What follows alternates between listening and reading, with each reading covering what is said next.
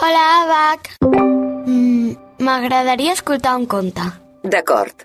El busco al catàleg d'àudio de l'Abacus a RAC més 1. Aquí el tens. El sabater i els follets amb Xavi Rocamora.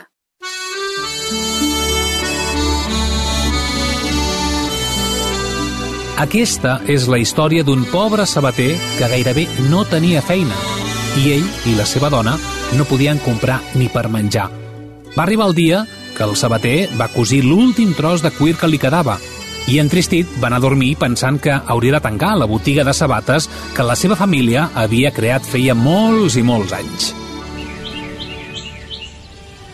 L'endemà al matí, el sabater es va llevar amb el primer raig de sol i quan va entrar al seu taller es va endur una enorme sorpresa. El tros de cuir que havia cosit la nit anterior ja no hi era i al seu lloc hi havia un preciós parell de sabates. Eren les sabates més ben fetes que mai havia vist. No s'ho podia creure d'on havien sortit aquelles sabates perfectes. Qui les havia cosides? Va anar corrents a despertar la seva dona per veure si en sabia alguna cosa. Però la seva dona tampoc entenia d'on havien pogut sortir. Estava clar que les havia fetes algú, que dominava molt bé la tècnica, l'ofici.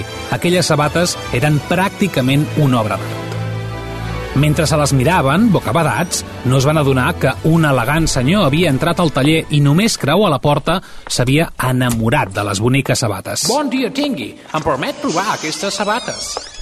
I tant, són les últimes que acabem de fer. El felicito, senyor sabater.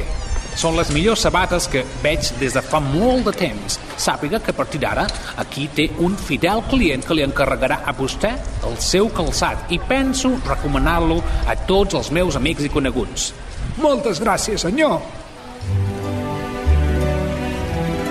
I mentre deia això, el bon home li va allargar la mà i li va donar un bon feix de bitllets. Eren els primers bitllets que veia en molt de temps i no s'ho podia creure. Tan bon punt el generós cavaller va sortir per la porta, el sabater i la seva dona van començar a fer salts d'alegria.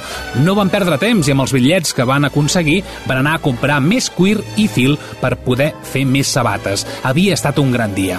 Van tallar el cuir i van preparar el fil abans d'anar a dormir, però estaven tan esgotats de l'emoció d'aquell dia que van caure adormits sense poder-les acabar. L'endemà al matí, quan es van despertar plens d'energia per acabar-les, quina seria la sorpresa? Doncs que, igual que havia passat la nit anterior, algú s'havia encarregat d'acabar de cosir les sabates amb una tècnica fina i digna del millor sabater d'entre tots els sabaters. Sobre la taula del taller hi havia dos parells de sabates exactament idèntiques a les que havia comprat el cavaller el dia abans. El cavaller ja havia fet córrer la veu i aquell mateix matí el parell de sabates es van vendre ràpidament. Així, van poder comprar més cuir i fil i l'endemà al matí va passar exactament el mateix.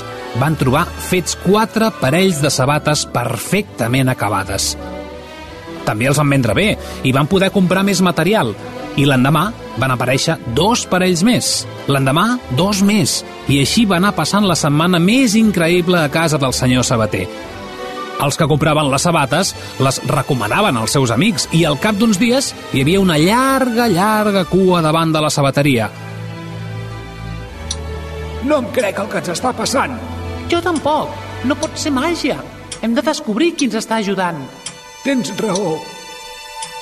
Aquella mateixa nit es van organitzar per anar fent torns i així un dels dos sempre estaria pendent del que passés al seu taller. I així ho van fer. Quan el rellotge del menjador va tocar a la mitjanit, el sabater va veure el que mai havien vist als seus ulls. Tot d'homenets minúsculs que no aixecaven un pam de terra van entrar per la finestra del taller i es van posar tots a cosir les sabates. Eren diminuts, silenciosos, molt ben organitzats i treballaven molt i molt ràpid. Eren la millor alineació de la història, l'equip més ben compenetrat. Era increïble, fascinant, era inimaginable. Faltaven adjectius per descriure allò que estava passant al taller del sabater. En un tres i no res, aquells misteriosos homenets van tenir llestes unes sabates i unes altres i unes altres i unes altres.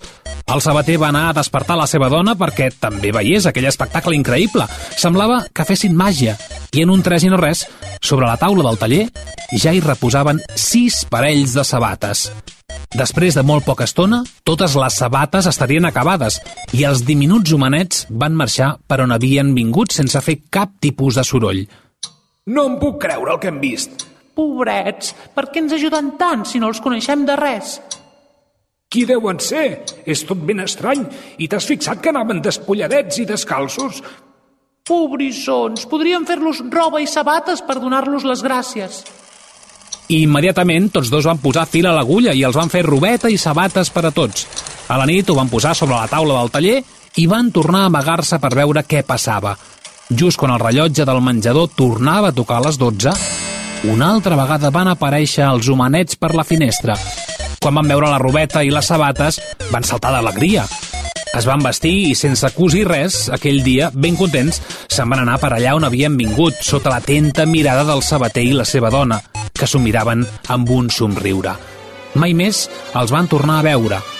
La sabateria, però, havia guanyat fama, i el sabater, que era un excel·lent sabater, i la seva dona, no els va faltar mai més feina. S'havien fet famosos per les seves meravelloses sabates.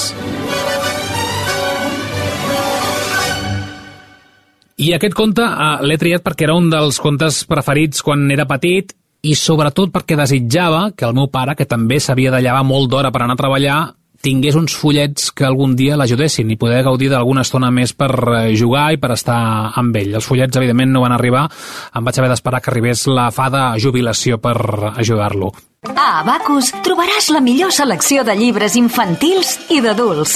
Jocs de taula, joguines i tecnologia. Un univers de manualitats i articles de papereria. Idees i propostes apassionants per gaudir en família. Abacus ho té tot. Vine a la teva botiga Abacus o visita la nostra web abacus.coop.